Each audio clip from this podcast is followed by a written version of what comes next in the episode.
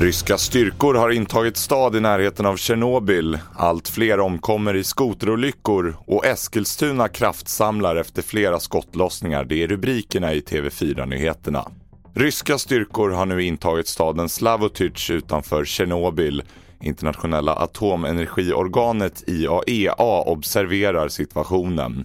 Just att rikta in sig på städer i närheten av kärnkraftverk kan vara en rysk strategi enligt utrikesreporter Johan Fredriksson. Det är klart att eh, många befarar att Ryssland ska använda eh, kärnvapenanläggningar inne i Ukraina som någon typ av vapen, som någon typ av gisslansituation. Håller man kärnkraftsområdet och kan på olika sätt exploatera det militärt så är det en, en fara förstås eftersom det här är, det kan potentiellt innebära en spridning av smittoämnen och radio, radioaktivitet som är farligt förstås. Mer om utvecklingen i Ukraina på tv4.se.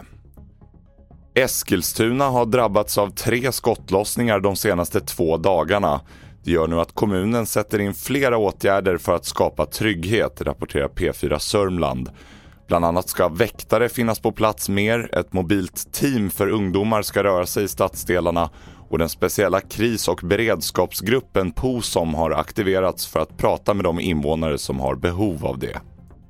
Flera dödsolyckor med skoter har inträffat runt om i landet den senaste tiden. Den senaste i måndags i Funäsdalen i Härjedalen.